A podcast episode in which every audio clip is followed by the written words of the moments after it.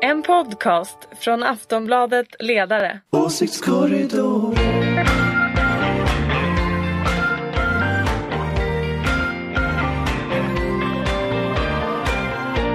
Hej och välkommen till Åsiktskorridoren. Det är måndagen den 18 maj. Det är fortfarande en ganska kylig vår och det är fortfarande coronapandemi.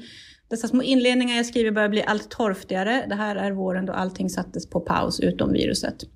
När jag skrev detta så hade förskräckande 3679 svenskar dött av viruset. 30 143 var bekräftat smittade. En siffra som kommer att stiga som vanligt när eh, Folkhälsomyndigheten om en timme har sin presskonferens.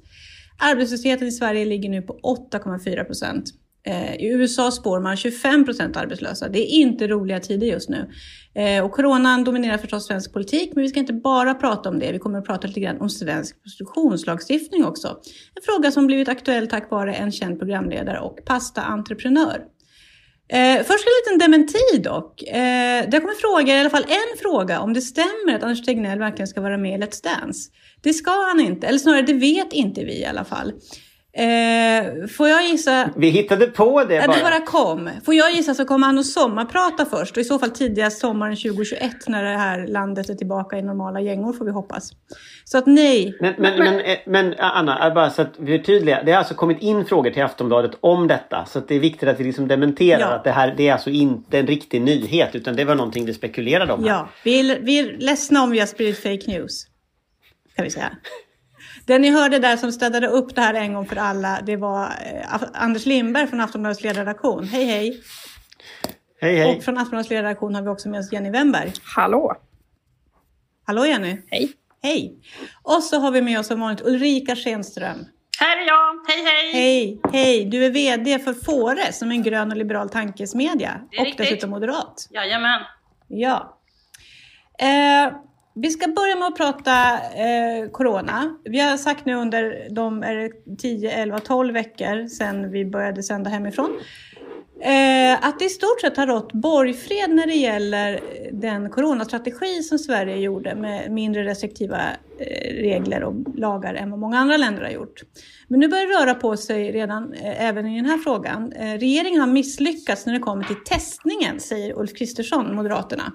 Och regeringen gömmer det här misslyckandet bakom kommuner och regioner. Målet var i mitten av maj att vi skulle ha 100 000 test i veckan. Det är vi inte i närheten av ännu. Eh, har Ulf Kristersson rätt? Är det här ett misslyckande av regeringen? Ulrika? Alltså jag tycker att vi borde ha fått till stånd tester för länge, länge, länge sedan. Sen, om, sen vet inte jag, eftersom jag inte är expert på eh, varken epidemiologi eller göra tester, men han har rätt i att vi borde ha fått till stånd eh, tester för länge sedan. Okej, och var felet ligger det Alltså, jag, kan- det kanske är så att det är allas fel eller så är det ingens fel. Så är det statens fel eller så är det regionernas fel. Men ofta så är det ju så i min erfarenhet att de inte kanske har kunnat samarbeta. Men det finns säkert någon i den här podden som är bättre insatt när det gäller den tekniska eh, samarbetsbiten här. Okej. Jenny, vad säger du? Är det regeringens fel att det utförs så få tester i Sverige? Jag kan väl bara konstatera att ute i regionerna så eh, har eh, Moderaterna i majoriteten eh, av fallen eh, ordförandeklubben. Eh, man är med och, och leder verksamheterna som nu underpresterar i fråga om testning. Så det här är väl också ett sätt för Ulf Kristersson att eh, avleda uppmärksamhet från att han faktiskt har partikollegor ute i landet som man skulle kunna samtala med kring detta. Eh, för, för ett mer konstruktivt förhållningssätt till detta med testningen och hur vi faktiskt får till stånd att de här 100 testen i veckan genomförs. För någonstans måste ju ändå det vara det primära. Eh, jag tror människor struntar ganska högaktningsfullt i vems felet är, utan man vill bara se att testerna faktiskt genomförs. Okej, Anders, vad säger du? Nej men jag tror att det, där, det här är lite knepigt. Alltså för det, det finns ju två principer mot varandra. Det ena är den här ansvarsprincipen. Att det som du är ansvarig för när det inte är kris är du också ansvarig för när det är kris. Det vill säga kommunerna och regionerna är ansvariga för det här. Punkt. Det är inte regeringen. Eh, å andra sidan så är det ju så att regeringen har in, infört en speciell lag, en bemyndigande lag som säger att regeringen ska ta över en massa ansvar som andra delar av samhället normalt sett har. Så här finns det ju två principer lite mot varandra. Jag skulle säga att, att, eh, att det är lite av ett politiskt spel. Att regeringen säger till regionerna ni måste testa. Regionerna säger att de inte vill eller att de inte gör det. Eh, och sen skäller eh, Ulf Kristersson på regeringen för att regionerna inte gör det. Och Kristerssons partivänner styr då de tre största regionerna. Så att det, här, liksom, det finns ett element av politiskt spel. Eh, gör det här så stor skillnad för coronastrategin? Det vet inte jag. Men, men det här är en speciell del i den svenska eh, som statsrätten, hur vi organiserar Sverige. Så, så, att, så att det, det, kommer sig av det. Och, och, där kan man väl säga att jag skulle väl tro att om inte regionerna skärper sig och börjar testa så kommer regeringen kunna använda de befogenheter som regeringen har. Men det, det återstår att se. Mm. Ja, för det här skulle ju vara, eller förlåt Ulrika? Nej, jag, jag, tänkte bara, jag skulle läst, när jag läste på inför det här så är det många som har hyllat en granskning som har gjorts av Expressen, Maggie Strömberg och Torbjörn Nilsson. Det var betalvägg mm. bakom den, eh, vilket gjorde att jag kunde bara läsa inledningen eh, så att, så att eh, där kanske vi finner mer svar eftersom det var en väldigt, eh, väldigt stor granskning de hade gjort. Ja, jag kan säga jag har läst den och den var alldeles utmärkt. Och det som kommer fram där är ju att liksom, eh, många regioner som inte är lika hårt drabbade som till exempel Stockholm och, och Västra Götaland eh, är inte särskilt intresserade av att genomföra de här stora masstesterna och inte heller Folkhälsomyndigheten är särskilt intresserad. Eh, så varför väljer Ulf Kristersson den här frågan tror ni? Men, men, men det, jag, tycker, alltså, jag har också läst det här reportaget eh, när det kom. Eh, då var det inte inom betalvägg faktiskt. men men eh, det, det, jag tror att kärnfrågan här den är att de här masstesterna är inte egentligen vetenskapligt motiverade. De är politiskt motiverade. Och, och, det innebär att eftersom de är politiskt motiverade så tycker de ansvariga myndigheterna att det här är något politikerna får ägna sig åt. Eh, och inte som de liksom känner något ansvar för.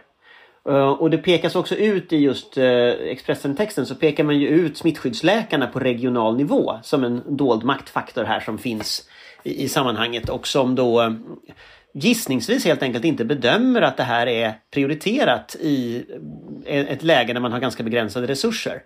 Sen är det ju så, det är klart regeringen är ju sårbar därför att WHO har ju sagt testa, testa, testa. Så regeringen blir ju sårbar om det ja, inte testas. Ja, och vi testar ju mycket mindre än många andra länder. Vi testar mycket mindre än många andra länder och det är väl också så att Sydkorea som man inledningsvis lyfte fram som ett gott exempel hade ju haft testning som en central del av sin Även strategi. Tyskland gör ju väldigt omfattande tester. Ja, nu ja, precis. Uh, det gör de ju. Så att, och, det, jag tror jag också, det är också något synligt politikerna kan göra som syns. Så det blir liksom tydligt Eh, för medborgarna att de verkligen Men ska man tolka det här i så fall som att Kristersson ändå är ute efter någon slags eh, politisk strid när det gäller även coronastrategin? Jenny, ja, det tycker jag väl är ganska uppenbart att man försöker eh, spela från Moderaternas sida på de strömningar som finns. Ehm, en populär politisk gren generellt är ju att vidta handlingar. I vanliga fall handlar det om att tillsätta en utredning för att visa att man gör något trots att nyttan av den handling man vidtar kanske inte är monumental. Men däremot så ger det ju väljare intryck av att här är det någon som faktiskt agerar. Ehm, den, den faktorn tror jag ehm, man faktiskt ska komma ihåg är ganska viktig. Och nu har vi också en opinion som eh, Ja, men tittar man på de frågor människor ställer i sociala medier och det samtal som finns ute i befolkningen så, så är det väl ändå ganska många, upplever jag det i alla fall, som, som, som lyfter frågan om just testning. Ja, många vill väl bli testade helt enkelt. Och man, framförallt så är det kanske antikroppstest man vill ja, göra. Ja, vi har haft hela debatten om Hedda Care som erbjöd, där folk stod i kö för, för att köpa test för nio, bara 900 kronor per test. Um, så uppenbarligen Ja, Nej, I en situation där man är ganska maktlös och har lite kontroll så tror jag ett test blir ett sätt att återta någon form av kontroll för många människor. Mm. Ulrika, vill du säga något? Nej men det är, väl, det är väl självklart att folk vill testa. Jag tycker att det går en strömning just nu där, där folk nästan eh, eh, liksom koketterar med att ja, jag tror jag har haft det. Alla ska berätta om sina möjliga nätter av svettningar och den där dagen jag hade så ont i kroppen och sånt där. Och sen kommer då nästa grej i, i, i diskussionen. Och därför vill man ju testa sig. Det, det, det där mm. kommer att bli mer och mer hets kring det tror jag. Men sen tror jag också att det finns någonting i eh, Kristerssons desperation här. Om man tänker på att han kommunicerar ju framförallt via sitt Instagram. Eh, och han kommunicerar ju inför de här partiledarsamtalen. Så, så den normala liksom, politiska gången med så här frågor i riksdagen, partiledardebatter, eh, partierna tar fram utspel som gör ditt eller datt. Alltså det har ju bara försvunnit. Det är ingen som bryr sig om det längre. Och det har liksom ersatts med de här veckovisa partiledarmötena. Och du måste ju komma till de där mötena med någonting politiskt. Eh, och, och, jag menar, nu har det gått vad det, nio veckor eller vad det är sedan det här började. Det är klart att det tar ju slut helt enkelt vad du ska komma med. Så jag tror vi kommer att se allt mer kreativa idéer. Folk kommer att kräva kommissioner hit och utredningar dit och undersökningar av sitt lilla specialområde som de är engagerade i dit. Jag såg eh, DN till exempel hade plockat upp Sten Tolgfors gamla förslag om att det skulle vara någon kommission som skulle utreda det här och sådär. Men är det liksom, så befängt då? Under pågående kris är det ganska befängt i vår tradition i Sverige. Men det är klart att jag menar den kommissionen, det här med att Kristdemokraterna har ju föreslagit det också. Det handlar ju om att sätta dit sossarna. Så det är ju ing, de kommissionerna kommer ju inte ha något som helst förtroende. Alltså det är ingen som har förtroende för dem. Det beror på vem som sitter i kommissionen. Ja, fast om den tillsätts under tiden så tror jag det är svårt. Alltså jag tror, jag tror, att, jag tror att den svenska traditionen är att göra som den här kommissionen efter skotten i Göteborg till exempel. Att man tillsätter en kommission efteråt som utreder, kommer med förslag. Eller branden i Västmanland gjorde man likadant. Tsunami. Eller tsunamin gjorde man likadant. Uh, så, att, så att jag tror att det är liksom vår tradition. Jag tror det här med att under pågående kris försöka kasta in små brandfacklor i krishanteringen av politiska skäl. Det tror inte jag folk i Sverige vill se. Jenny? Nej, eh, alltså, det är väl bara att hålla med Anders. Sen tror jag också att, att testfrågan överhuvudtaget är möjlig att driva politiskt på det sättet som sker just nu är väl också för att det handlar om att vi är i en situation som präglas av en enorm osäkerhet. Vi vet inte när vi är ur detta, vi vet inte hur eh, vår sommar kommer att se ut ens. Eh, det är ju inte särskilt långt kvar till, till semestrar och annat människor förlorar sina jobb. Eh, ja, men allting, allting i, i samhället präglas av osäkerhet just nu och då är ju också ett test är ju ett sätt att i alla fall få någon form av säkerhet. Har jag, precis, ett fakta har, jag, har jag haft corona, har jag inte haft corona? Eh, hur kommer det se ut med personalen som jobbar med, med min mamma eller pappa eller mormor? Eh, så på äldreboenden och i sjukvården. Så att ja, det är ju någonting djupt mänskligt i, i detta. Mm. Men tror ni att det här är ett tecken på att liksom, en politisering av den svenska strategin i, i någon större bemärkelse? Nu eftersom tiden går. Någon?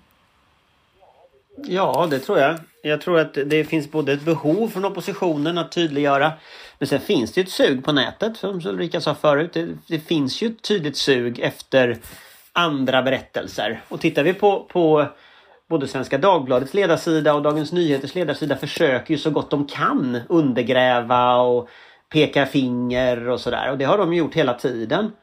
Eh, och det är ju politiskt motiverat. De, de kan ju ingenting om smittskydd liksom.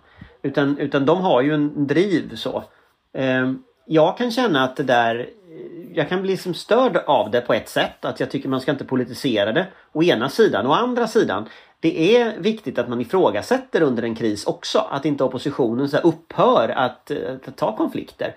Och, och, det så att jag, jag är inte så negativ riktigt till det. Men, men jag har aldrig tolkat borgfreden heller som att alla ska vara tysta. Liksom. Utan jag har ju tolkat den som att man sluter upp bakom besluten liksom formellt i, i riksdagen och inte lägger liksom parlamentariska krokben för varandra. Eh, men däremot det politiska samtalet måste ju fortsätta. Både på ledarsidor och bland politiker. Liksom. Okej, hörni, Annars går... blir det ju Kina. Ja, vi, vi, vi, ska gå vidare. Vi ska ut i världen, åtminstone en liten bit ut i världen. Eh, för våra nordiska grannar som ju, som ni vet, har haft mycket hårdare restriktioner än vad vi har haft. De börjar nu lätta på dem. Eh, de säger sig ha smittan under kontroll och de har ju också betydligt lägre dödstal än vad vi har. Jag såg att i Norge hade man i söndags noll nya dödsfall och totalt 232 döda. Danmark har 547 döda och i Finland 298. Det är ju som ni hör mycket mindre än vad Sverige har. Vi hade alltså 3679 döda idag. Eh, nu börjar de öppna upp igen och öppna gränser och då säger de att de kanske inte vill ha in oss svenskar. Eh, Sveriges handelsminister Anna Hallberg sa till Expressen att det vore diskriminerande av Danmark att släppa in tyskar och norrmän men inte svenskar. Men det är väl en ganska begriplig hållning från de andra länderna? Vi har ju mycket större smittspridning, eller vad säger ni? Ulrika? Eh, ja, det kan man väl säga, men vi har ju också fler människor i landet så att det är väl inte någon sån här jättestor skillnad och sen i slutändan så var det så att de stängde ner men nu har de öppnat upp och då kommer de säkert få smittspridning senare. Så att det kanske är vi som skulle vara rädda för att åka dit egentligen. Jag, jag har faktiskt... Eh, jag, vi ligger ju helt olika fas. Det ska man ju Men komma ligger ihåg. vi så himla olika? Ja, så som jag förstår det så gör vi det. Men jag är som sagt inte smittspridningsepidemiolog. Eh, Nej, okej. Okay. Nej, Jenny? men eh, jag tror att det är som Ulrika säger, att vi ligger lite i olika fas. Eh, man har också i, i våra grannländer valt en mer poli politisk strategi, för det handlar om politik. Eh, medan Sverige har haft någon form av expertstyrd eh, strategi eh, från start. Eh, och sen så får man ju långa loppet se vilken strategi som har, en, som har varit den rätta. Eh, men det är väl klart att det känns väl lite härsket att eh, Danmark eh, kan tänka sig att släppa in tyskar, men inte svenskar. Eh, sen är väl inte det vansinnigt förvånande heller. Eh, man har ju sin egen befolkning att tänka på. Men eh, hotet från svensken eh, känns väl som en lite orättvis eh, skildring av vad vi har hållit på med här i Sverige under de senaste månaderna. Anders, vad säger du? Lite härske tycker Jenny, men begripligt. Håller du med? Ja, alltså jag tror ju det här handlar om politik. Eh, danskarna och norrmännen vill säga till sin befolkning att de har gjort rätt och att Sverige har gjort fel. Eh, och då blir det ju kul att peka ut oss igen. Eh, det är ju så att gränsen till Sverige är ju väldigt mycket politik i Danmark. Eh, det, om ni kommer ihåg det så var, skulle de stänga den innan på grund av att det var brottslighet här. Eh, sen stängde de på grund av det här. Alltså, det, det, det, finns, det finns någonting i relationerna mellan de nordiska länderna som inte mår så jäkla bra.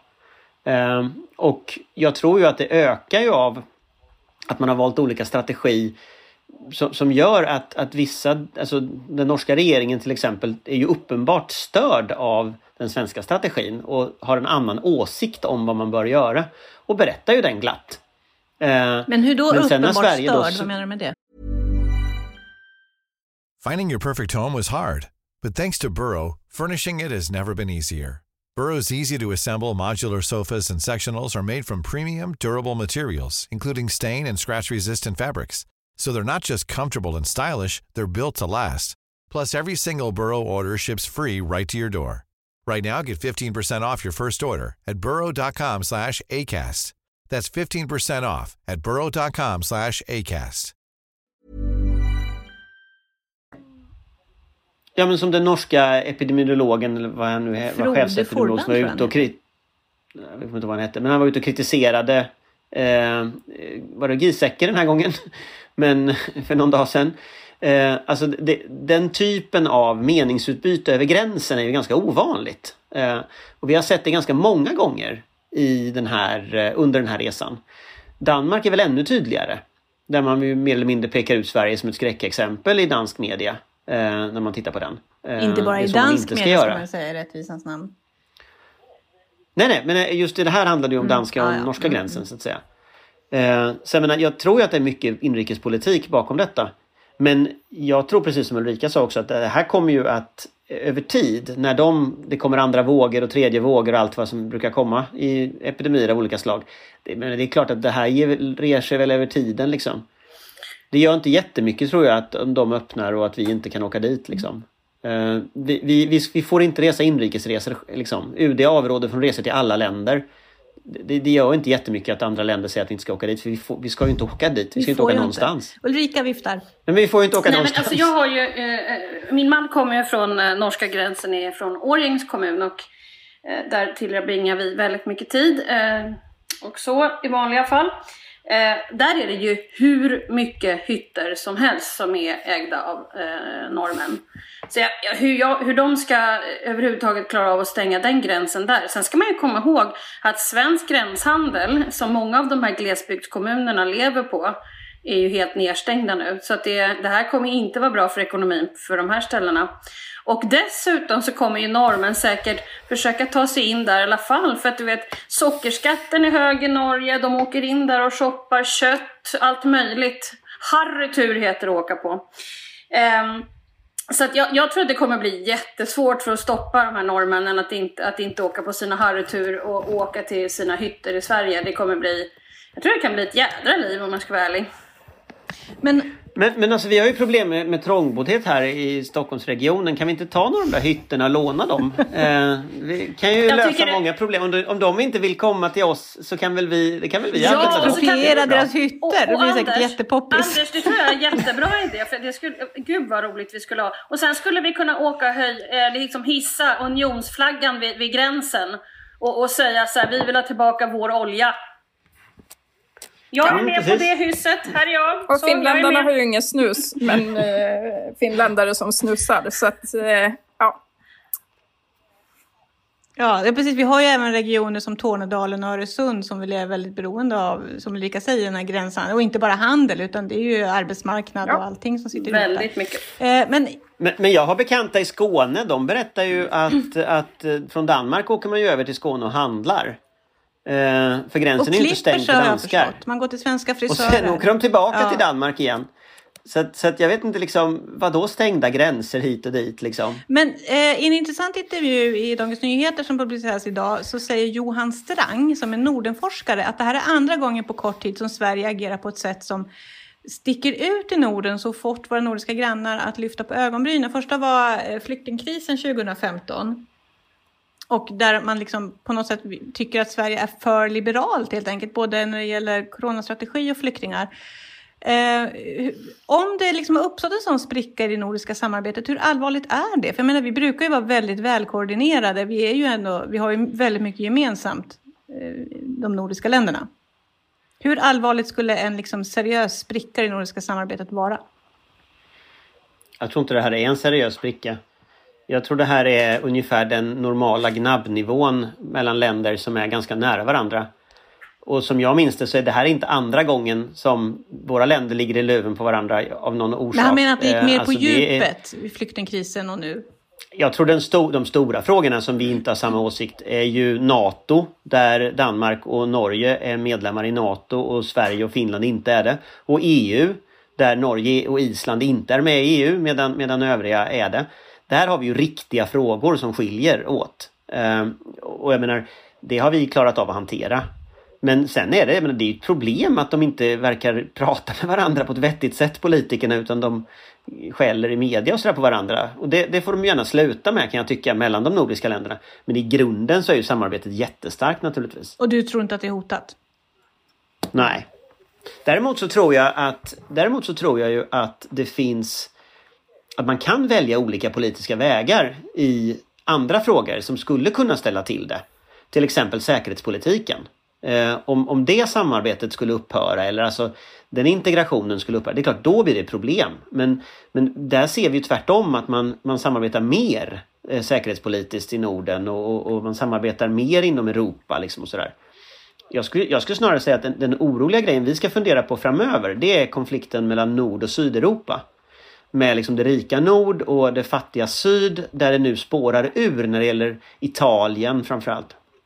Men när vi kan ha ett läge där Italien blir det nya Ungern eh, med Matteo Salvini som, som ledare för landet och en helt annan utveckling. Och den konflikten, nord-syd i Europa, den tror jag vi ska vara orolig för. Men inte Sverige-Danmark. Okej, någon som vill tillägga någonting? Jag ser Ulrika och Jenny sitter och nickar här. Nej, men jag håller med. Eh, Jag tror att det kan bli eh, jättemycket schism mellan auktoritära stater som ehm, eh, kommer kunna ta plats. Absolut. Nej, det är Jenny, bara att hålla med något? föregående talare i detta. Ja. Då går vi vidare hörni, vi ska nu till någonting helt annat. Eh, I torsdags så greps pastakungen Paolo Roberto för sexköp. Och det stod inte på så satt han i en TV4-soffa och berättade att han hade mått väldigt, väldigt dåligt. Det tog alltså inte ens ett dygn från gripande till TV4-soffa. Vi börjar kanske med lite så här eh, medieetik. Gjorde TV4 rätt som sände den intervjun, tycker ni? Då. Alltså detta är, Ulrika? jätte, jag tycker att detta är jättesvårt. Jag, jag tycker också att det på något sätt...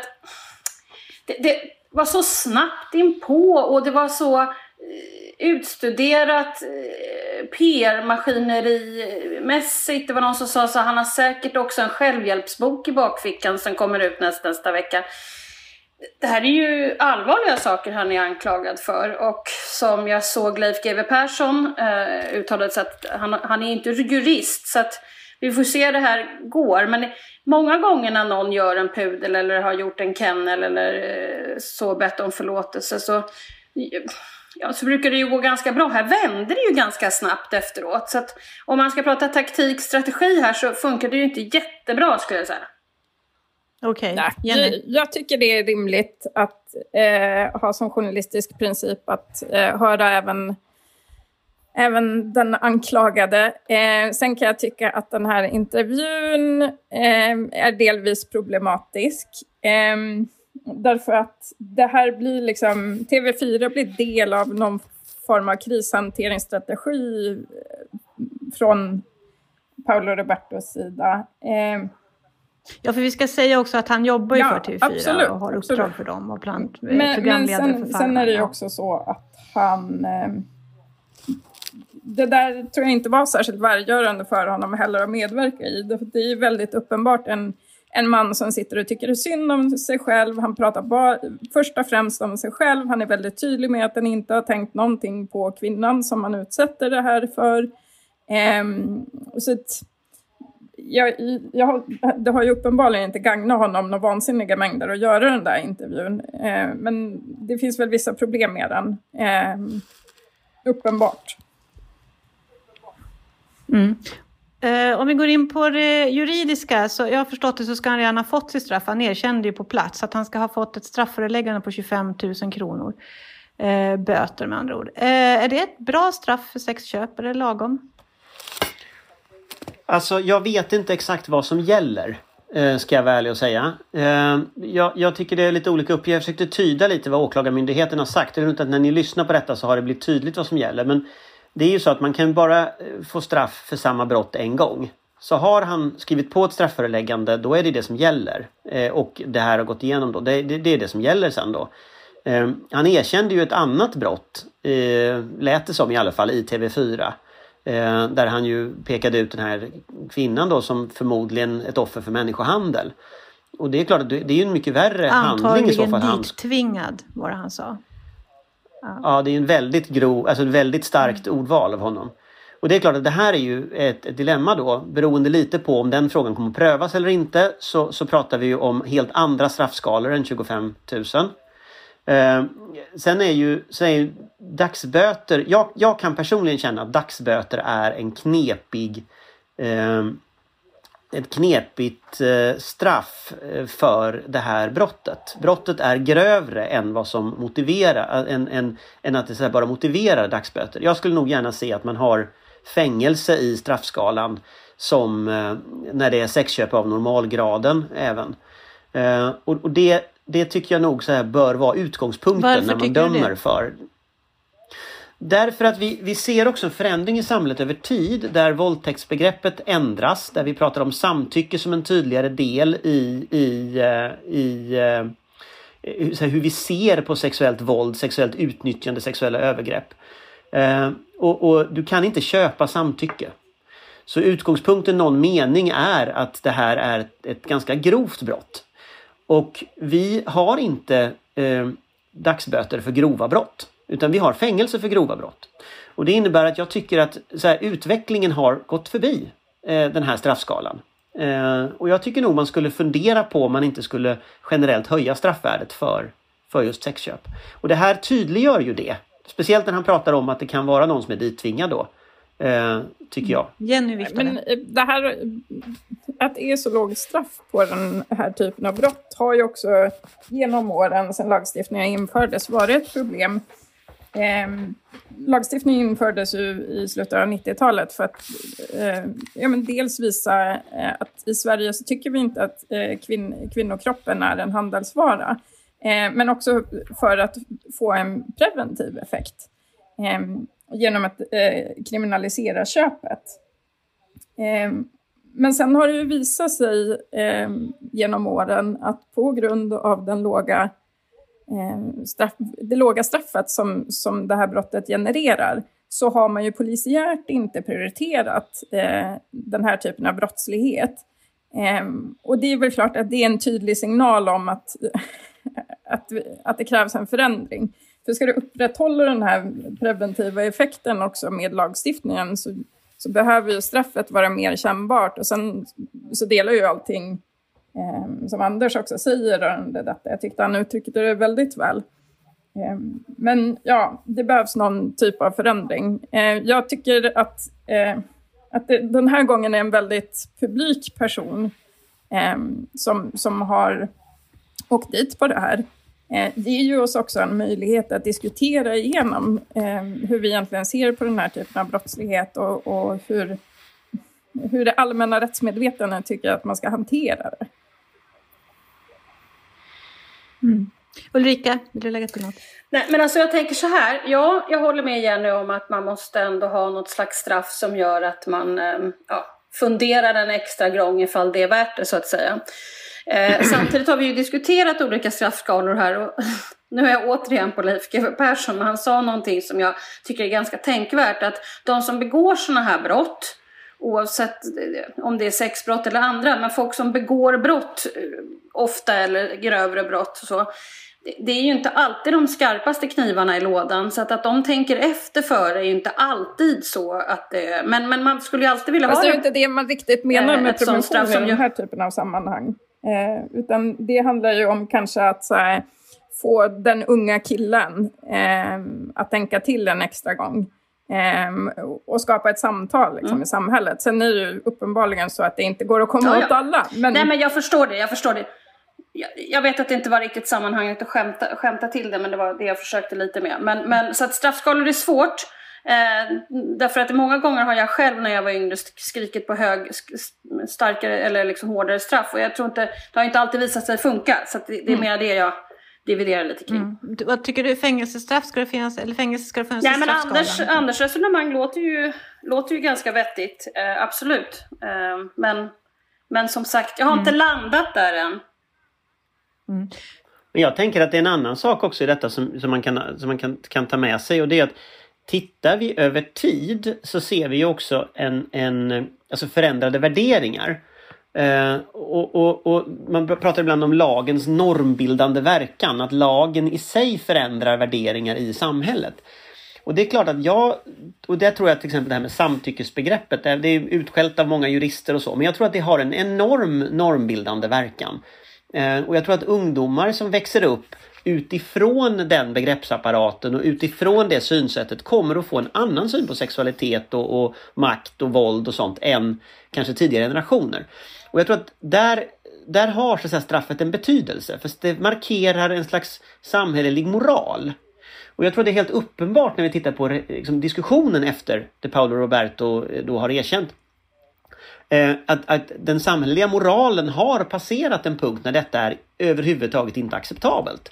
Och man vill verkligen göra något åt det. Nu, och då bör man ju så att säga ta, ta, ta de instrument man har. Nu vet inte jag, jag har inte eh. sett någon undersökning i liksom hur stödet för laget Samtidigt, det är ju lätt att gå ut på nätet nu och se framförallt män, skulle jag säga, eh, som överhuvudtaget inte tycker att det här borde vara kriminellt eh, att köpa sex. Alltså, det finns ju, alltså den opinionen finns ju fortfarande kvar. Mm.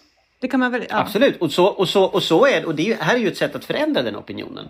För det är klart att, att när, när man ändrade bestämmelserna för våldtäkt en gång i tiden, att man eh, eh då eh, skärpte de bestämmelserna, det var ju också ett samtal eh, då där människor hävdade att det måste vara våld, fysiskt våld inblandat för att det skulle vara våldtäkt och så. Eh, idag så tror jag den uppfattningen överhuvudtaget inte skulle förekomma i ett samtal.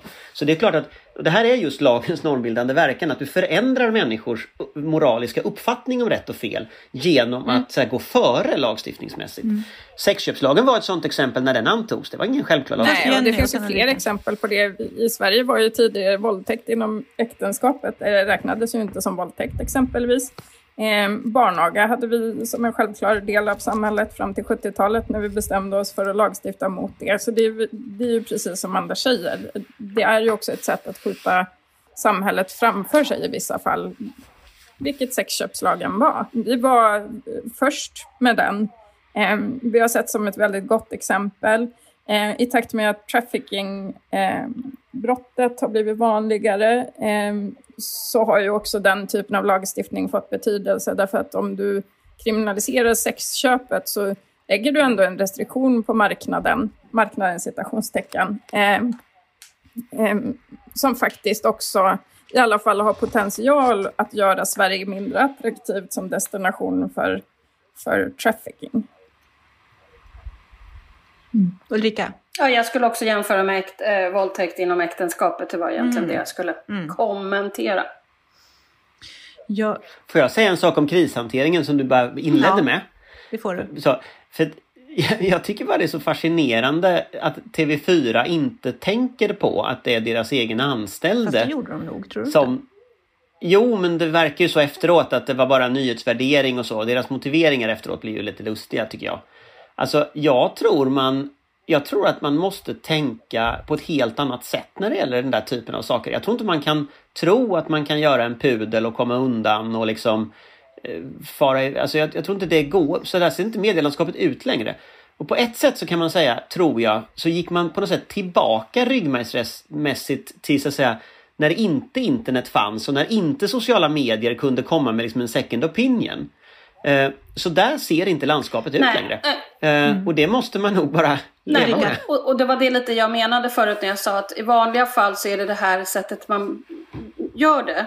Och, och jag kommer aldrig säga emot att inte alla ska få komma till tals. Men du kommer att kunna se det här exemplet som ett exempel där det inte riktigt funkade. Eh, Kanske gick det inte lite för fort helt enkelt? Ja, det gick för fort men jag tror också att sitta och tycka synd om sig själv i en situation när det är en annan person som är utsatt. Jag vet inte, för, jag tycker inte riktigt det lirade.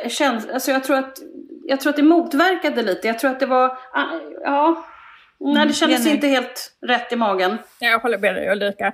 Men jag kan också tycka att det finns en ganska obehaglig tendens i eh, Sverige just nu.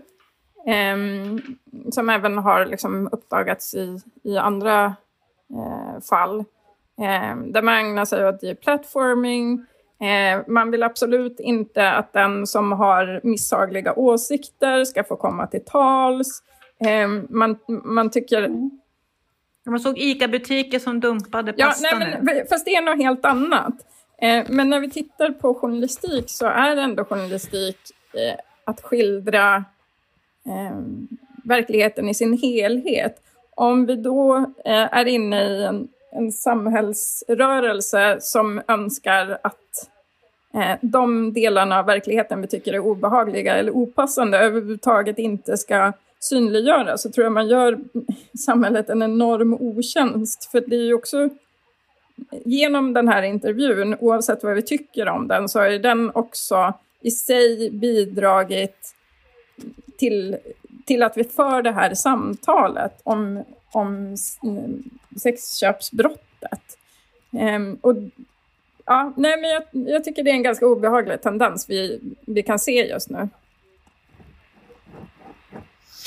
Men jag tror också att det har att göra med vad det är för typ av brott som någon har begått här. Va? Det, det här, det här är oavsett straffskala och hela den diskussionen så är det här någonting som jag skulle säga att gemene man, de flesta ser som extra dåligt så att säga. Mm. Det är liksom extra dåligt. Extremt skambelagt. Ja. Mm. Jo men det är också av, av, av, ett rimligt skäl, nämligen att du, det, och det är här som är problemet med hela retoriken. Att det är ett, han hänvisar till att det är ett självskadebeteende. Men han har ju skadat någon annan.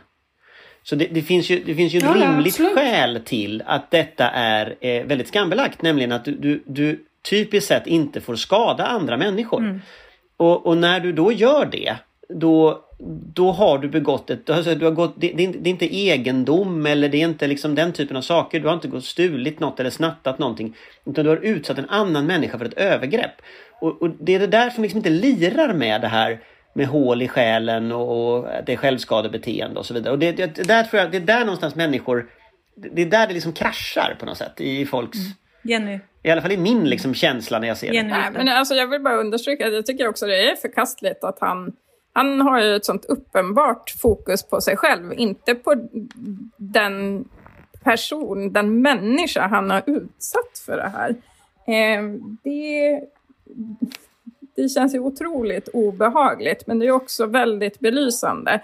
För det är ju också vad polisen säger, att i, i alla fall i princip så, så är det liksom aldrig offret, brottsoffret som ligger i fokus för de här männen, utan det är att de tycker oerhört synd om sig själva, vilket ju är otroligt märkligt. Eh, men det fick vi ju se tack vare den här intervjun i TV4 live. Ja, och det får bli sista ordet för den här veckan. Nu sätter vi punkt. Tack Ulrika Schenström, Anders Lindberg och Jenny Wennberg. Vi hörs nästa vecka. Hej då! Hej hej! Vink vink. Hej! då. Tvätta händerna! tvätta händerna.